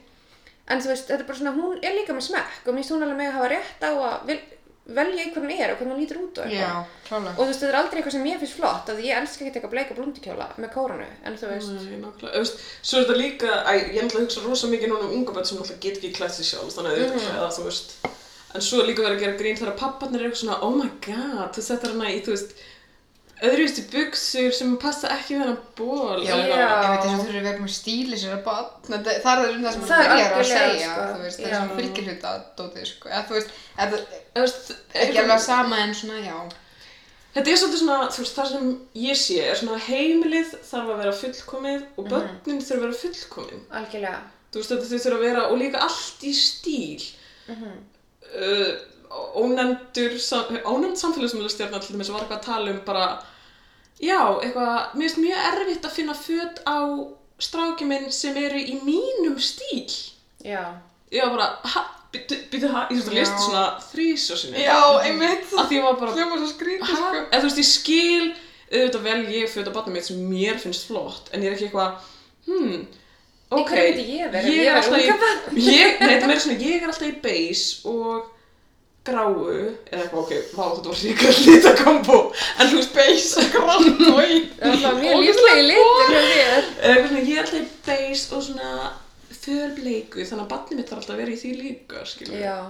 Þetta er líka eins og með að kaupa þú veist dýrar flíkur á unga börn er ógeðslega heimskulegt. Þú veist, Já. ég skil alveg að kaupa eitthvað sem heldur að þeim hita, sem er kannski vandað. já, já, En þú veist, akkur að kaupa eitthvað, þú veist, þau vaks upp úr þessu og svo er aðeins aldrei þá eru þau svo skítug. Þetta er bara að drullu haugar, sko. nákvæmlega, Mm. Já. Þú veist, ég veit að hérna, eins og ég segjast, það er alltaf bara tekin ein mynd af barninu og þá er það kannski uppstrílað, skilja, er kannski ekki Já. alltaf svona. En þú veist, hvað er þessa byrtingamyndi samt að gera okkur? já, nákvæmlega, setja okkur mikið pressu á aðra fóreldra, að, Já. nein, Allt ekki vera alltaf fullkomin. Og þetta er með þess Og þetta er stíll. auðvægt að leka inn í þessu pressu eins og þú veist, í minni fjölstu er bara, þú veist, ég og sýstu mín og hún á fjögaböð sem eru bara rosa vennilega börn, þeir eru bara eitthvað í joggingolum og þú veist, með hár út um allt að þau vilja og mér finnst það mjög næs. -hmm. Mhm. Og svo þú veist, þannig ég er bara svona, er vun því og minni fjölskyldu ef ég kem með, þú veist, börn sem eru bara eitthvað eins og fávetar til fara er enginn að kommenta á það. En það er svo lít, tekur svo lítið fyrir mig, að ég bara fyrir, þú veist, eitt eitthvað svona bóð hjá einhverjum sem er fancy með fancy baby og ég er bara eitthvað, ó nei þú veist, þú veist að það er svo lítið þú veist ég ekki eitthvað svona gildi sem ég hef þá er bara nóg stundum að sjá þetta til að finnast manni ekki vera nógu góður, að maður lítur ekki nógu vel út Þú veist, ég er ekkert að segja eitthvað að samfélagsmiðlastjörni þurfa að pústa mynda barninu sinni með ógreitt hár eða eitthvað, ég veit það ekki samt, en þú veist, ég bara muni eftir gamlu myndarbúin eitthvað. Já. Bara, það bara var eins bara og hálfi, hólviti sko það var bara eitthvað seriðs í bakgrunni og eitthvað sitt, Já, skilur, eða þú já, veist. já, en það Og er líka- smartís kakan, hún er alltaf eitthvað sætar syndir já, og eitthvað ljótar sitt. kökur í ammælum Ó, það var svo best. Þú veist, mér finnst líka eitt sem ég pæla svolítið í og það er, þú veist, af því ég var aftur að skoða í þessu hérna poddi sem ég var að tala um, hérna Under the Influence þá, Með Joe Piazza. með Joe Piazza. Það verður víst að skrifa það líka, að skrifa við Joe Piazza þegar maður leitar að því að mæla með þessu ekki að marga sem fundi eitthvað allt annað podcast Um Og maður gæti, Oh ég byrja að hlusta okkur að gæja sem voru með annar þeirra var með einhvern hreim sem Mjög ég var- sko- sterkan hreim. já, um hvað voru þeir að tala, vil ég eitthvað vita social media eitthvað Ó, ok, já. þessna, Þess vegna var ég bara, ó, ok. já, Já. mega sens Vá, fyndið, þetta er allavega Joe Piazza Jú að óa Mér fannst það einmitt mjög samt skemmtilegu punktur, eða þú veist, vinkil, og hún var með svona nýja vinkil fyrir mig. Já, í þessum þætti sem ég hlusta á með henni að þú veist, hún var að tala um bara eitthvað svona uh, þú veist að konur hafi alltaf verið gaggrindar fyrir allt sem það er að gera Algjörlega. og gera ekki já, og smá svona, ok, ef þú ætlar að vera mamma okkur ekki að græða pening fyrir það nákvæmlega þú veist, þá er hann alltaf að tala um þessar stóru úti sem eru svona momstagrams Já, eitthvað, það eru mommy kannski, bloggers það eru kannski fáir mommy bloggers hér fulltime nema kannski Það er Sol- samt Solon alveg- Diego er svona mesti mömmu bloggarinn Já, það sem ég læriði líka af Joe Piazza var microinfluencer sem eru með 1000 til 10.000, ég held að mjög margir séu þá á Íslandi. Já, Það er náttúrulega lítill markaður, en á þessum microinfluencer þá gilda ýmsar sömu reglur um þig. En ég ætlaði að segja með hana, hún var að byrta hljóð úr einhverju TikToki sem fyrrum, hvað segir maður, barn mömmubloggara gerði. En Já. þetta er þú veist barn mömmubloggara sem er núna 26 ára og var að tala um bara áhrifin sem þetta hefur á hana eða hafði. Og eitt sem hún hæ, barni 26 ára Já, Þú veist, það það voru voru þá alveg er þetta meira svona mömmu blogg, Bloggsíður. þú veist þá Já, ok, þegar þetta var bara ekki svona fólk.is, eða þú Insta, veist. En þetta var þá kannski Já. þegar hún var, þú veist, 12 ára eða eitthvað já, Þannig þú veist, hvaða Ok. ári er, ég veit það ekki nei, ok, skilur ekki Af því ég mynd, Joe Piazza fór líka svolítið í söguna og talaði um þú veist að byrjaði sem blogg og var svolítið öðruvísi og duru duru duru, eitthvað Svo er þetta meira myndrænt núna eitthvað svona Já, og getur líka verið hún sér 22 ára og ég sé að bulla, hann sé hann til En ég man Allavega ekki- fullorðin kona. Já, ég heyrði aldrei að vera eitthvað vót, ég sóldi, en þú veist, já Og hún var að tala um að þú veist, það sem hafði mest vondi áhrif á hennar þurfa alltaf að vera on Þú veist, bara þú þarft alltaf að vera einhverjum, þú veist, þú ferð bara ósjálf alltaf að vera einhverjum karakter Eða bara þú ert alltaf tilbúin að brosa, þú ert ekki að fara að borða morgumann með ógslætt hár heima hjá þér af því þú veist, það er alltaf myndafur heimilinu og þú ert alltaf on og allt sem hún gerir er efni og já, það er Allir eitthvað sem alast upp þannig, já, já. og það er eitthvað sem ég tók svolítið svona, "Vá, það er auðvitað geðveikt erfitt ef þess að maður getur talað um rosa mikið eitthvað þetta er ekkert skadalegt, þetta er allt í lagi, mömmunar er bara að gera eitthvað börnin eru bara litlu búðingar en þú veist, pæli að þurfa alltaf að vera onn, bara heima hjá þér þú veist, heima hjá mér vil ég vera bara ógeðsleg já, þú veist, já, Já, bara það að börnin eða þú veist, ég meina sumir eru það ekstrím að börnin fá bara aldrei að velta sér upp á drullinu næstu eða þú veist, Já. og þau kunna það ekki einu sinni af Einmitt. því að þau eru bara, nei, hári mitt eða Já. bara, ég veit ekki, skil það er einmitt eitthvað sem ég langar ekki að börn þurfa að pæli eða vilji pæli og þú veist, eins og ég bara maður er heima hjá sem maður langar vantilega bara slætin í eldhús og byrja bara seriós, maður langar ekki að vera eitthvað, já, byrju, þú veist, aðeins að tjekka lúkið og aðeins Mhm, að mm pósið og veist hvernig hún lítur út líka frá allum sjónvarnum og Já. sér það mikið myndum að þér og veist hvernig hún er sætastur mér finnst maður eigi bara ekki að vita það þegar maður er svo lítill Nei, klálega ekki, sko þá er ekki neina alls upp að þú getur aldrei sleftir þú ert Nefnilega. alltaf inn í einhvern svona kassa já, þú ert eins og sé bara alltaf on og þetta er ekki svona meðvitið kass, kassi sem þú bjóstu til þetta er ykkur og líka bara ógst ógstu meðvitið um Já. útlit bara punktur, bara þú ert svo meðvitið Mhm. um hvernig þú lítur út um Mhm. og það er eitthvað sem þú veist ég var Hugsa ekkert skaðlegt. Mm. sérstaklega þegar ég var lítil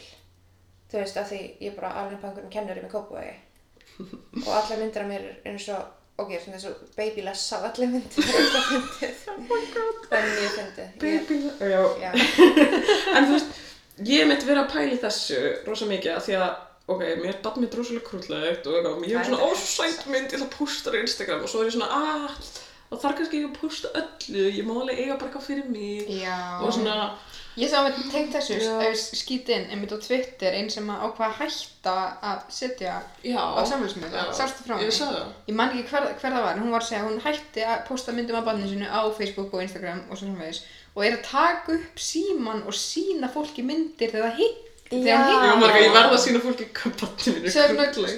svona krúllið svona, já, svona eins og, þú veist, þú ert með myndir af börnunum í veskinu þínu, Já. svona og sjáðu hérna litla Já, Alex, mjög hann er fimm ára, sæt. eitthvað svona, þú veist, þetta er, mér finnst Já. það smá skemmtilegt svona afturkvarf, eða þú veist, auðvitað, vat, þú veist, og líka eins og þetta segja, konur eru gaggrindar fyrir allt, þú veist, og það er ótrúlega auðvelt að taka eitthvað svona sexist, sexist vingil á mömmublokk og vera bara eitthvað, oi þær eru aðdeglisjúkar eða ekki gerðu réttum fórsetum og svo framvegis, Mm. en ef maður mitt kannski hugsar aðeins gaggrinu um þetta bara barnana vegna sérstaklega þegar þau eru komin Já. Mhm. til vits og ára þegar þau átta sig á að þau séu alltaf í mynd það er svona sért Já, í hérna Keeping Up with the Kardashians heima hjá Basically. þér bara basically. Já, þú veist, ég hef mér búin að hugsa bara, ok, hérna, ekki það, að, þú veist, mitt Instagram er lokað og eitthvað, en þú veist, ég bara eitthvað svona, hvað ef hún verður í framtíðinu, bara að mamma, uh, auðvitað, þú veist, ef hún er eitthvað, ég hefði eittu svo, ger ég það, auðvitað. já, Já. En ég eitthvað svona, já, samt þegar maður setur eitthvað á neti, þá er það bara komið ánlega. já,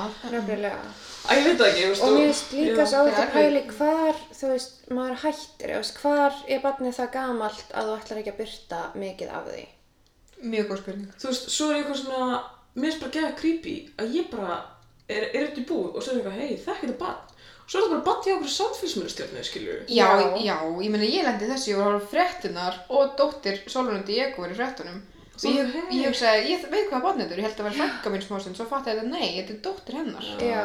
af því ég var alltaf að skoða hana á ákveðum tímapunkti Þetta er líka eins og ég var að senda á ykkur þarna grein um mömmu sem á tvíburadætur sem eru samfélagsmiðla stjörnur. já, Já, þessi bandarískan. Já, og það klikkaði þér að díana bara, hei, ég hef séð þetta barn. já, Sem er það mest creepy bara í heiminum. Af því Já. þú veist, þetta er bara einhver fimm ára stelp í bandaríum díana bara, ó, ég veit hvað barn þetta er. Bara ég þekki andlitið á henni. Já. Þú veist, pæli í því. en hún hefði talað um eitthvað svona mér finnst þetta ekkert öðruvísi heldur en ef barnið mitt væri hérna uh, bara leikari, Já, svona og ég- barnaleikari og ég bara, sorry, það er öðruvísi af því að barnið þitt fer þá í vinnuna sem Mhm. ok, þú veist, það fer þá í eitthvað annað umhverju og er að leika eitthvað hlut Já.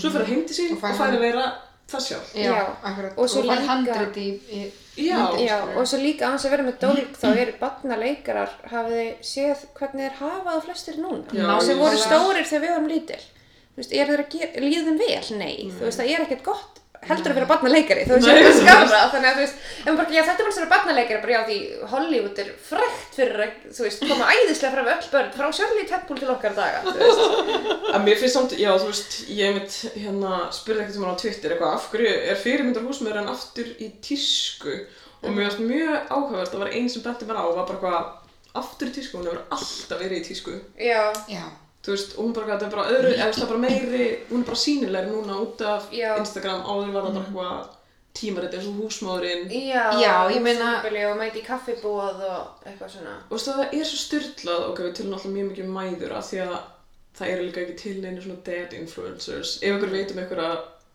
hit us up, skilur og sína okkur en þú veist að konur einhvern veginn þar þurfa að vera gæða fylgana mömmur þar þurfa að vera gæða fylgana í atvinnulífinu gæða fylgana í útliti þú veist, maður er bara svona it never ends og svo eru það gaggrindar ef það eru ofylgganar og eitthvað svona, þú veist Já. Það er alltaf bara gaggrindur fyrir allt, sama hvað. þú veist, eins og ég er að gaggrina þessar konur sem að eru með allt fullkomi og ég er að, þú veist, þannig að, já, þú veist, við Já, erum allra en- að gaggrina, þú veist, Já. við erum allra að gaggrina allra, einhvern klálega, veginn, klálega. Og það er líka eins og Joe Piazza, besta vinkun okkar, nefnir í podcastinu sínu að þú veist, konur eru að fá bara borgað fyrir eitthvað sem hann hefði ekki fengið borgað fyrir áður. Þannig að það er bara svolítið sniðu leið til að fá tekjur.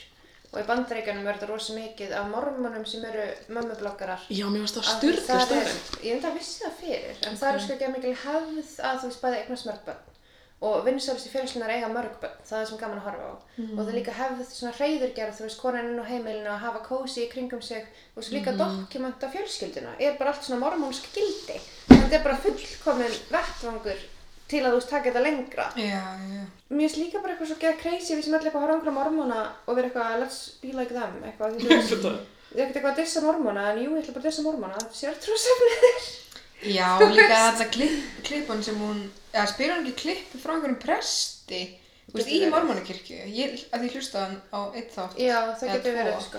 Það sem að, þú veist, hann segir bara, þetta er vettvangur Já. til þess að já, breyða já, já, út trúna já, algjörlega og bara tóna hans niður til þess að hæ, þú Já, bara breiða út já. boðskapinn, sko. já, þú veist, Að tóna þetta hans líka- trúna niður en hitt allt heldur sér Já, þetta er líka svo heitlandi, þú veist, kallin er að vinna úti, þú ert bara heima, quote unquote, bara að hugsa um heimilið, heimilið er fullkomið, börnin eru sjö. já, En það er líka, þú veist, það sem maður þarf kannski svolítið að muna, ok, eins og ég er bara eitthvað að horfa á þessar konur og er bara eitthvað, okkar er allt fullkomið í þeim, bara já, þær eru líka basically að vinna Hvað er að vinna við þetta?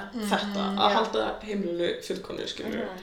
Þannig að- að mjög erfitt. Mér finnst líka áhugavert eins og þú veist Joe Piazza, besta vingun okkar, tekur fyrir að þú veist þarna hún lærði eitthvað svona trade secret sem eru þú veist myndatökur að ráða ljósmyndara Já. og taka þú veist efni fyrir heila viku á einum degi þú veist Mér þetta fannst það skipta bara hilarious. föt vá og ég var eitthvað þetta er ógislega sniðugt auðvitað er þetta ógislega sniður leið til að gera þetta en þú veist Já. maður fellur svo mikið fyrir þessu þú veist maður er bara eitthvað hún er bara alltaf svona fín þú veist einmitt, já Það er þetta bara- er alls konar trygg sem að, ma maður veitur ekki um og all- allar þessar konur eða fólk er að, þú veist, notfara sér algjörlega og þú veist já, já, sem að er gott að blessa og allt það en já, alveg margar spurningar samt sem við eigum eftir að glíma við í framtíðinni bara allir þessi börn sem er núna vaks og grassi og, og hérna, hvernig er þau eftir að geta díla við að, einmitt, maður þekki andlitið þegar maður veit allt Já. um, sorry, ég ætla að fara að- hérna að setja símin og sæða Já. Nei, þú veist, já, þið vitið hvað ég meina En svo er þetta náttúrulega alltaf ungar mammur, þú veist, Já. eldri mammur, blöða, skiljum við, bara og, eitthvað, já, ég no, þarf að no. slæta inn með eitt uh, það er líka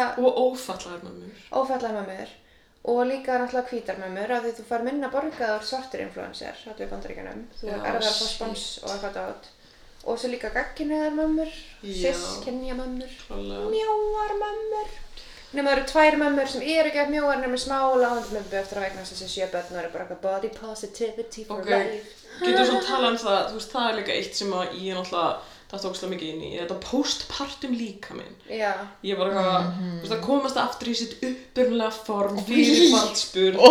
eitthvað, komast aftur í buksunar og hvað ég ég var svona, samt ég var að spyrja byrjar upprunnilega formið er það þegar þú fættist við kynþroska Einmitt. hvað er upprunnilega líkaminn fyrir barnsbyrð eitthvað svona, Akkurat. þegar þú varst upp við besta, þegar þú varst, ég veit ekki, átján ára eða eitthvað. Já, ég er með mjög postpartum líka maður sem að gengi mér neitt. Þú veist, og ég eitthvað svona, þetta er svo óslega mikið samfélagslega pressunum að vera alltaf fullkomin, út að vera, þú veist, einmitt fullkomin móðir, vera búin að eignast barn, þú veist, með píkunni og eitthvað, það er hræðilegt oft að þú Nú verður að gera með píkanu, sko. Til þess er hún. og, og fullkomin eiginkona eitthvað Já. og ég eitthvað svona, ég ándurs fór að leita bara, ég ætla að finna eitthvað, eitthvað konu sem er bara svona body positivity Mhm. og, og ég fann eina sem er búin að eignast ball líka en hún er búin að eignast allir alveg nokkur en hún var nýbúin að eignast líka annað hún er eitthvað The Birds Papaya á Instagram Já, já, alveg. einmitt, ég veit hvernig hún er sko, hún er gorgeous, hún er Mhm. svo sæt og svo er hún alltaf að posta myndum af maðurum sínum og eitthvað og, og hún er mitt fær eitthvað svona, ok, þú ert svona geða sæt þannig að fokka þér eitthvað Mhm. já, hún er svona. mjög andlitsfríð, sko En ég er Líka svona, mjög grönnu, það ekki? jú, hún er grönni, eða hún er samt með, þú hún er veist bara með mömmu maga Já, skilurðu, já, og já. slít á maginu já, mikið slit, já Verður að gera það hann í buksur. og ég er eitthvað svona, að ég veit ekki, þú veist, ég fíla að bara, það, þú veist, það hjálpa bara ógslag mikið, að sko, eitthvað svona, Já, emmi. þú veist, ég get ekki, það eru sumir sem ándur sér bara eitthvað að posta, þú veist, fólk sem áleika bara fyrirmyndir eins og, á, ég veit ekki hvort þið er að segja, en alltaf, og ég er eitthvað svona að reyna að komast í sitt upprannalega form. Ég vil bara benda á því að ég get blípað út, ég lærði það í síðustu viku. Nákvæmlega. Nei, þú veist, ok, það er þetta íþróttakonu, hún er náttúrulega að reyna bara að komast aftur í sína íþrótta og eitthvað, en þú Mhm. veist, samt sem áður, að ég veit það ekki, þá er eitthvað svona, Þetta er mjög óraunhæf krafa, sko, það, að því að mér finnst að vera svona, um, það átti það að gera svo hratt. Já. ég veit það. Þetta er eins og hafa ekki séð þegar einhverja stjórnum voru að tala um þær tilkynnaðs óldar og þá er teknar post-baby body myndirnar fyrir tímaritið. Svo gangaði með badnið og svo er myndin byrt tveim vikum eftir að badnið fæðist. Ói. Já, Já, eins og Pink gerði þetta. Okay. Og síðan talaði um þetta setna að vera gaggrina að hafa gert þetta. Oh my god, það er Það horrible. er væntanlega þannig sem þú ferð að þessu. Já, Þú ert væntanlega. alveg maga að það var eins og pink Yes. áður en Nei. þú gekk með neitt bann og borðaði eina gulrót á dag. En ég er líka svona, ég skil, þú veist, allir bara gera fyrir sig, ef að þú veist, ok, þú ert kannski, ég veit ekki, eitthvað í crossfit eða eitthvað, eða þú vilt komast aftur í þitt form og þú veist, reyna að komast aftur í íþróttunina, það er bæðið við alveg erfitt fyrir konur sem hafa eignast börn, held ég. Já. uh, en fyrir hvernig ertu að posta þessu skilur, eða þú veist ég eitthvað svona, getur ekki bara verið að æfa heima þér annars að posta þessu þú veist, ég veit ekki alveg Nei, þannig að færið svo jákvæð viðbröð að þú ert að æfa. Þú veist, Já. það er eitthvað sem samfélagi er búið að ákveða að gefa þér like fyrir Ég er líka bara eitthvað svona, það að fólk sé eitthvað svona að segja eitthvað, þetta er kvartning fyrir aðra. Það, þú ert að blekja sjálfa þig. Já, mjög mikið Það er ekki kvartning fyrir aðra að posta mynd af maganum þínum og hvað hann er hann slétt. Ég er bara, uh, ég tjúlulast sko. En já, þetta Já. er alltaf bara eitthvað sem ég... En mér finnst- ég Nei, núna- þetta er bara ógeðslega valin pæling af því Mjög að þetta, góð pæling. sko, þetta á við um, svo, þú veist, ég meðan, ef það eru langt flestar mæður gangi í gegnum, þú veist, eitthvað að þurfa, finnast þar þurfa að grennast og svo framvegis á, Ég þú veist, veit það, eitthvað. eftir að eiga börnin. Af hverju? Ég Já, veit það ekki. emmi. Og svo líka, þú veist, þú þarft að vera, margar eru bara svona í námi og með nýfætt barn og eitthvað að reyna að æfa á kvöldin og maður er eitthvað svona slakaði bara. Já, Eða þú veist, emmi. Mhm. Já. ég veit ekki. Já, Og svo að barnið að vera fullkomið líka, akkurat. sem er bara Það svona, er bara, og líka fyrir það hvern gengur á ekki upp. þetta alltaf að vera svona fullkomið er Ég það sem veit ég það vil ekki, spyrja af því svo eru samfélagið. margar venjulegar konur og mömmur sem eru ekki með, þú veist, það eru ekki einu sinni micro-influencers eins og bara, þú veist, ég er held ég með einn á Instagram Einn, kannski tvo, fimm, nei. það eru þitt og þú veist, já, þú veist, ég er með tvo á Instagram posta einn aldrei neinu og þú veist, er mjög svona private manneskja þannig, en samt fæ ég sama, þú veist, sömu minnmátt á tilfinninguna, Ég um veit að ég það. er að vera fullkomin og börnin yfir flottir fötum Já. sem er alveg skrítið af því fyrir hvern væri þau í þessum flottari fötum, það er ekki einu sem neitt að horfa það er bara að koma inn í mig og ég er eitthvað svona Já. Þetta er bara eitthvað ég komið undir með þetta á, maður er bara Já. eitthvað, að því líka það er alltaf að segja um þetta eitthvað já þú veist einhver pía í bandaríkunum er að vinna við þetta og það er bara flott en hvað með alla sem eru að horfa á þetta og drekka þetta í sig og finnst þér ómögulegir sem eru ekki að vinna við þetta þú veist þau eru bara í fullri vinnu og eitthvað að ná endum saman og eru ljótir Mhm, Já. já, svona, Og það er Aldrei líka- ljótur lengur. það má nefnilega ekki vera ljótir lengur ég ætla að tala um það í hverjum þætti Já. En þú veist, og svo, og svo er eitthvað svona konur að posta fylgkanum myndum af fylgkanum barninu sínu og maður er eitthvað, "Ah, að fokka þær, og svo postar eitthvað gæi mynd að sér með barninu sínum og maður er bara eitthvað, vá, hvað hann er flottur eða þú veist, aðeinslega pappa æðislega pappi að tila með barninu sínum eða eitthvað, ég veit, Já, hetja. þú veist, eitthvað svona Dags hetjan Nákvæmlega eru styrlu orðraða bara, ert þú út að ganga með barnið? Bara, þú veist, Þetta Já, er svo ganga mig, er maginn að passa Já. passa, Já, já ert þú að, Pabbi er að ert, passa. að, er hann Er að hann að passa? passa? Já. Ó, geggja. Uh, en En það þú veist, ég held að það síðast svolítið, þú veist, bæði þessi byrtingamynd af kvikm, í kvikmyndum síðast náttúrulega inn á samfélagsmiðluna Já, og svo Ég einhvern myndi veginn, alltaf fyrir ekki, ég myndi alltaf bara ganga með vagnin, þú veist, ekki, já, það er vagnin að ganga með Ég vil bara- barnið, ganga með hundin, ég vil bara segja þér það að þegar sýst mín var lítil fór fólkdra mínir með hann út að ganga í bandi af því hún var sækó. segja. En já, ok. Og þeir bundar hann líka við svalinnar sem hún getur leiks í garðinum. ákveðlega, Ok, amazing. Mhm. Hún var sækó. Hæ. Það myndi einhver hringi lögguna þetta var gert það. hvað er byrtingamyndin um sækobönnið? Nei, þú, Já! það er Já, það við hryllingsmynda. skulum- Getum rætta við tækifæri. Ok, sækó er stort orð. Segjum bara ADHD. Já, nei, þú veist, það er líka máli og maður er eitthvað svona, Instagram er náttúrulega líka orðið svolítið svona að bara ótrúlega meðalmannskjur eiga bara að vera með allt uppsett eins og í tíma. Já, nefnilega. og ég veit að ég gera þetta líka með mitt Instagram og vel bara fullkonustu myndunar og allt það en ég vona að enginn haldi að ég er fullkomi líf það er einhver veit þannig, barnið mitt er samt fullkomið en, Já, hún er Reyndar náttúrulega fullkomin og rosa best. Já. Ég er með en hún er rosalega oft bara eitthvað bara á samfellin eitthvað wú, að leika sér á gólfinu skilur Já, vantanlega. Hún er bara... og ekkert Já. andla alltaf einhverju monokrumi sko Og þetta er líka, þetta er orðið svona börn sem fylgjulitur fyrir fræjafólki. að Það er í tísku núna eignasbann og vera ung mamma og eitthvað. Það er alveg að trenda, þú Mhm. veist, Kardashian, Jenner liðið er alveg að poppa þessu upp, þú veist. já, hann að Kylie náttúrulega, þetta er líka alltaf bara eitthvað svona rugl eitthvað, barnið í einhverju fendi eh, já. vá, ég kann ekki einu sinni merki núna sko Nei, ég veit Algjörlega. þú vall eitthvað Kylie er en já, maður bara Nei, maður sko sér maður er, þetta bara. ég, þú veist, einmitt horfa ekki á Kardashians, fylgist ekki með þessu, ég veit samt ótrúlega mikið um þetta fólk. Já. Þetta slætar henni allan fjandan og það er einmitt eru svona, þú veist, prototípur af það eru ógísla ríkar og börn eru ógísla fyrir fylgjulitur. Svo ferði, Mhm. þú veist, influencer, börnin eru, þú veist, þau eru mjög ríkar og börnin eru mjög fyrir fylgjulitur. Svo ertu micro og þú ert samt rík og þú ert ekki rík þá er alltaf, þú veist, vísakortinu Mhm. og barnið þetta er, þú veist, Klætt allt. komið í þessi föt og bara, þú veist, þetta, þú veist, við þurfum öll að passa í mótið að það við erum að sína öll eitthvað svona frá okkar lífi og það þarf alltaf að vera fullkomið. Svo er alltaf þess að fullkonu veislur, maður er eitthvað svona, ok, barnið er eins og þessi í fyrsta lagi, Já. það minn aldrei muna Já. eftir þessari fokkin veislu, af hverju er kakan bara eitthvað frá sætum syndum á þremur hæðum, þú veist, Mhm. Legið slengdu, og skátaheimili og, og bjóða 1500 manns og skátheimili, bara eitthvað svona Eða- hótel, já, eða það, borgar sorry, eitthvað, já, ég veit ekki. fyrst sem ég um hugsa skáðheimli þetta var skýrt um Skátheimili, daginn í krúttlegt. skáðheimli já, það er eiginlega mjög krútlegt, það er eiginlega miklu betra Ég held að þetta sé líka sko að ímyndin þarf að vera fullkomin líka í veislinni, ekki bara Já, já, já. á myndinum á Instagram, mm. þú Mhm. veist, gestinir eiga að koma inn og vera bara, wow, Já, ég er þið- komin í party of Kylie Jenner eða eitthvað, já, ég veit þeir eru það náttúrulega Komin komin að að byrja taka upp sveifla, sko. iPhone-in og, hérna, og setja Já. myndir á, á sitt Já. sem sínum þau Algjörlega. það ekki. Við kynna, ég dætt svo ógeðslega oft í þessu hólu, ég var alveg bara, ég ætla að halda skýrn svo kom COVID og ég var alveg bara svona, þetta verður fylgkomið og gett sætt og svona, og svo verður svona skelljar og svona gettul og eitthvað umhverfisvænt skraut og eitthvað, ég var Já. bara eitthvað, svo var ég bara, oh, mist skýrn kannski líka annað Það er og aðeins ferming annað skýrn og ferming heldur en að tvekja rámali. Já, Já, sko, mamma mín hefur sagt mér svo að hún, einmitt, fór all in fyrir eins og sammáli mitt. Næ, Bebbo litli. Þú veist, hún hefur hugsað bara eftir að bara, af hverju var ég að bara s- þræla mér út, að baka hitt og þetta fyrir eitthvað sem að, þú veist, að þessu kom bara mamma hennar og pappi og eitthvað, Já. það var bara eitthvað svo tæmi, skilur við. Svo getur maður ekki sjálfur borða kökuna eins og Nei, Nei, mér er líka frænka mér var að tala um þetta, hún er jafngóð mér og eina dóttir, hún sagði bara fyrir fyrsta ára amalið hennar, fyrsta ára amalið hennar, eins og samalina var bara eins og í einhverju tímariti, það voru bara, þú veist, uppblásnar, einhverja svona ofurblöðrur og ofurkökur og allt ofur stílhreint og fancy baby, hún er bara eitthvað, myndi aldrei gera þetta aftur. Þú veist, núna er þetta allt líka með barnaherbyggin sko, þú þarfst alveg bara, ég veit ekki, eitthvað að setja dásamlegan eða huggulegan á vegginn og eitthvað, ég man ekki hvað allir þessir fokkin... litir, Litir heita. það, já, Og þú veist- eitthvað svona off-grár og eitthvað. Já. Já, já sko, kreppugrár. Kreðsmikar. Nei, þú veist, bara eitthvað svona, það er ekki neitt í lit, ég er bara eitthvað svona til barnaherbyggin, af hverju allt Aha. grátt í það og Það svo er bara eitthvað líka- boltarand, nema það er grátt. Já, oi, Já. þess- já, akkurat, ég mann því. Það er shit, maður. ótrúlega eitthvað trist. Þú veist, fyrir hvernig er þetta? Er þetta fyrir barnið? Nei, Þetta er bara fyrir Nei. fítið, að þú veist. þetta er Ég nefnilega skil fyrir fít, er ekki. ekki freka bara þetta að hafa allt í skemmtilegum litum og hafa bara svartvít fít?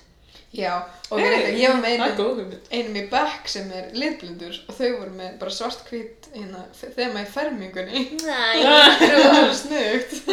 Það er samt ég ætlaði að slæta einu inn sem svolítið að slæta tilbaka af því ég var líka, vorum að tala um hvað var eitthvað, panda papaya eða eitthvað Hvað? bird papaya?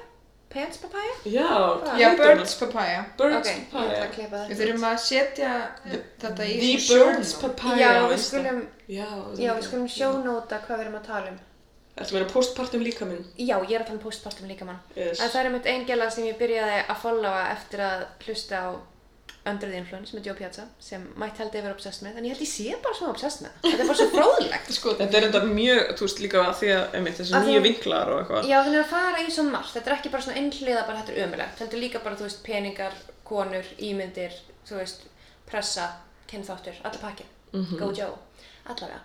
Þá hérna, já, var ég að skoða, ég byrja að fylgja einnig gælur sem er, þú veist hvað, 25 ára og 5 börn og er einmitt alltaf að posta líkamsverðingar myndum af líkamunum sínum og þú veist, mér finnst samt, þetta er samt gett óraunhæft af því hún, jú, ég var alveg með svolítið mjúkan maga og var ekkert eitthvað þengmjó en hún er samt alveg, í, þú veist, gallabuxum, svona háum gallabuxum og crop top og lítur bara út eins og hver henni PewDiePie Ok. og hún, þú veist, á fimm börn og hún er ógeðslega ung og þú veist, Mm. í- þú veist, m- það eru bara svo margir, þú veist, að mér finnst líka, þetta er alltaf eins og bara með líkansverðingu almennt þegar einhver kemur gæla með, þú veist, eina fellingu og verður andlits líkansverðingar og þessi gæla er hvít og mjó og sis Hún, svona, hún fyrir svona stellingu það sem að kemur og svona krumpar sig aðeins og kemur smá bumba Já. og þú veist, það er bara ekki að hjálpa neinum sem þurfa í alveg á þessu að halda það er bara, þú veist, að drepa fólk fyrir að vera feitt Mm. eða falla ekki í fegurarstaðla Þetta er alltaf efni í annan þótt. ég veit það Já. og ég ætla, þú veist, og mér finnst bara svo perrandi eins og þessi gæla alveg flott hjá henni að geta syngt að hún sé með smá bumbu eftir eitthvað 5-2 ára en þú veist, það er að hjálpa svo fá þú veist, það er svo ógsta privilege þess að konur fær, og þú veist, ég vil ekki vera leiðilega því eins og þú veist, núna er dýjar alltaf með mjög, þú veist, traditionally falleg kona og gott að hún getur séð einhver konu með postparta líka maður sem kannski falla að hennar gildum en þú veist, að ég veit ekki ég vil bara sjá hverjar hestfeitar gælur með bumbu Já, ég reynda að viðkynni, þú veist, einmitt, að ég eitthvað valdi þessa gælu, þú veist, og kannski er það einmitt að því að, þú veist, bara byrtingamyndinar og, þú veist, einhvern veginn, ég veit ekki, væntingamyndinar er svo fucked, að ég þarf að hafa einhverja gælu sem er samt gett sæt og er alveg gett svona, eitthvað, hvít, að ég veit ekki, þú veist, Það sem er að ég fann þessa líka, ég var að fara að skoða bara að reyna þú veist að búa, setja fítið mitt í minna, þú veist, æ, um, hvað segir maður, ég var að reyna að finna með fleiri Varstu bara bara fita Fjölbreyttari fita fítið, já, fjölbreytari fita fítið. Fita fíti, ég skal, ég skal hérna, við skulum fara hans yfir Instagram mitt þegar við erum búin að taka upp, við skulum setja smá fítu í þetta fít. já, sko, já, ég sérst fann hana af því ég var að reyna að finna bara fleiri konur sem að eða þú veist, til að skoða sem eru bara alls konar -hmm. Mhm. og hún poppar upp, hún er bara mjög vinsæl náttúrulega af því hún er Mhm. bara mm veist, sæt og eitthvað en, en það sem ég ætla að segja var það er ekkert að því Nei, nefnilega ekki. að skoða það, skilur við Nei, Nei. Nei. Veist, hún segir líka sjálf eitthvað, ég fæ líka að grina að því ég er sæt og er ekkert eitthvað það Já. feit og eitthvað. Svo er ég náttúrulega líka bara eitthvað, þú veist, ég er alveg grönn þannig að ég kannski hef ekkert eitthvað En ég- venjú til að tala um þetta. En, En það, er- já, en svo, skilur við, en þú veist, En ég fyrir náttúrulega kannski feita mömmur leita, og fyrir- já. en leita er líka ekki nável, ég veit Nei, en mér finnst líka eins og mér langar aldrei að segja eitthvað, þú veist, eins og sumt feitt fólk er eitthvað hætt að væla að þú ert mjó, að þú veist, ég hef alveg verið mjög mjó og með ógeðslega sjúka líkamsýmynd og leiði bara gæðvitt illa og ég veit líka eins og sýstu mín sem ég er alltaf að tala um er, þú veist, rosalega grann og er, þú veist, bara með eitthvað eftirfæðingar maga sem hún þurfti alveg að vennjast og díla við. Þannig ég veit alveg að það er dót, mér langar bara í meira, þú veist, mér langar ekki að þessar hætti, mér langar bara í meira, mér Já. langar að halda áfram að fara lengra nákvæmlega. og þú veist, ég myndi ég líka þegar, þú veist, margir tala um eitthvað sem sé einhverjum mjóa gæla og eitthvað en ég er ekkert að því þér og ég get alveg skilið þetta með, þú veist, já, þú verður ekki fyrir samfélagslegum fordómum en þetta er svona ókslega erfitt, það er bara erfitt að vera Mm. kona með líkama, það er bara fucking erfitt, saman hvernig það lítur Búmm. út. Já. Ég er samt líka að fara að hugsa bara eitthvað svona, ég veit ekki, maður er eitthvað svona, ég var eitthvað, "Ó, eitthvað, þú veist, ég er enda búin að, hérna, bara frekar fína eftir basbur, sko, og svo er ég núna orðin eitthvað svona, ég væri alveg til að vera með slita maður um að því mér stað eitthvað svona merki um að það hafa verið ólétt, skilur, Oh my ég er ekki God. með neinn slita maður um. Já. Og allir, á meðan allir eru bara eitthvað svona að reyna að elska slítin og eiga gett erfitt með, þú veist, að sættast við þetta. Núna er ég alltaf eitthvað, mér langar í, þannig Mhm. að þetta er Mér ókslega, finnst maður er það svo samt eitthvað Smá stektur á því. skemmtilegt, að mér finnst það verið að sína að þú er svona byrjuð að læra að meta öðruvísi fegur, þá er það Já. að taka inn öðruvísi efni.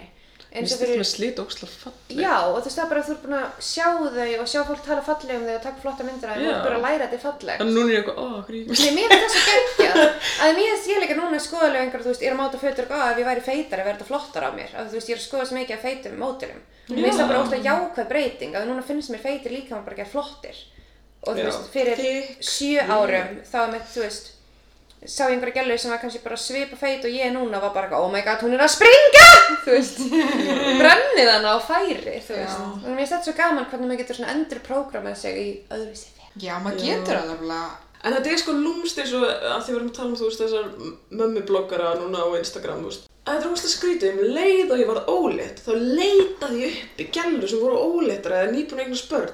Og ég veit ekki eins og af hverju, ég Mér bara finnst til það að bara- pína mig eða. En þú veist, var það ekki bara því það er ágæðvart? Eða þú veist, og þú Bara veist, Mm. Já. Til að tengja það, til að... Jú, eitthvað að þeim að tengja við það, en á sama tíma þá leti þetta mér líða illa því ég átti ekki jafn flott dót og eitthvað sé. að ég veist það ekki, það er bara eitthvað skrítið líf, ágæðvart. Mér finnst það mismunandi sumir, sumar er alveg, þú veist, fína með þetta, en, en það er svo mikið þetta kaupa, kaupa, kaupa og þú Já. veist að eiga allt dótið, Þetta er út að kaupa. nýjasta vagnin og eitthvað, ég veit ekki hvað sko, þannig að ég var bara hvað.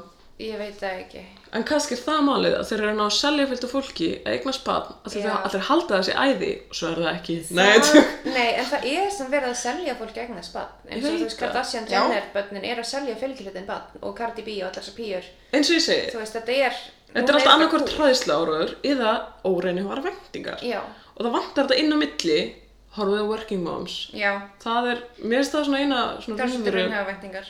Ég veit, var ekki maður sína svolítið bæði góðu og vondu hliðarnar. Ég veist, hvað er erfitt og hvað er næs, bara eitthvað svona kombo, þú veist. Ég horfði á þarna myndina Parenthood frá 1996, alveg gömul mynd. Já. Hún er samt svo, hún er alveg krútlega með þetta og mér finnst óslega að fyndi að það er þarna, þú veist, þetta er um einhvern pappa sem að vill vera geggóður faðir Já. og eitthvað. Og Hún, er ekki- hún er alveg svona, ég sé alltaf ekki þannig problematist við hana, en það er einn annar pappi sem er svona ræfóreldrið, vitið þið hvað ræ?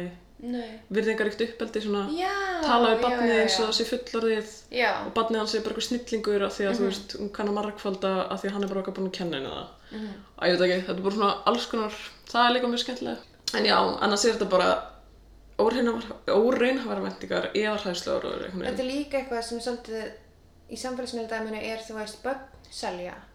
Börn, þú getur postað endalisi myndum af mjög ungum börnum að þau hafa ekki skoðun, þau eru búðingar. En svo stækka þau og hvað ætlar að gera við það þegar það er hægt að vera krútlega Þá og hægt selur að maður það. selja? Nei, sem dandjó. Sem svo gerðan sem skilaði barninu sínu, Ha? sem er ætliði, já. oh my god En, alveg rétt. nei, þetta er alveg, alveg góð pæling að þú veist, þú egnast fólk alltaf fleiri og fleiri börn af því unga börnin selja mest og stóra fjöldu selja mest en svo ertu orðin 12 ára og þú mátt ekki lengur taka myndir af þér Já. Ertu að fá einhverja aðtegli, veist, hvað er gert við þig þá? Þú er búin Mm. með þannig pakka, hvað er næst? Já, þá tekur bara upp, já, og vá. Nei, ég bara spyr, þú veist. Mm vá, þetta er sæðileg til þessum. Já, og líka að því eins og þú veist, Shirley Temple hættir að vinna í Hollywood á einhverjum tímpúnti, þú veist, þú Mhm. hættir að vera söluvara Já, og til að Hættir að vera Mm. krúllegur. Já, við erum posta líka link á greinum þessu konu sem skilaði barninu sínu Jésús. að þau eru einmitt influencer fjölskylda sem ætlaði barn og skiluðu því þegar þau voru búin með það. það er sjúkt. Það er ógeðslegt. Hefur andað þessum notum? Já, við getum endað á þessu nótum. Við erum, höfum aldrei gert neitt enda, er það nokkuð? Við erum alltaf með Nei. styrlaða starrend í byrjuninni eða meðmæli. og Ég svo ætla að endum reyna við að bara- síðast þarna með hann að bless, verið hress, ekkert Nei, stress. hvað varstu með eftir Nei. eitthvað? Ég sagði bara eitthvað bless gaman síðast. Nei, það var það sem ég sagði bergrundu. Já, þú veist bara eitthvað bless gaman og ég var eitthvað, dýra mín. Ok, ég var alveg svo grillið í haustum eftir síðast. Er það að þú ert nýtt fóröldri? Já, að því ég er söfnleis og Já, nætur. þú varst ekki búin svona, svona neitt út af dótti í vatna kljóðum fjörum. Já.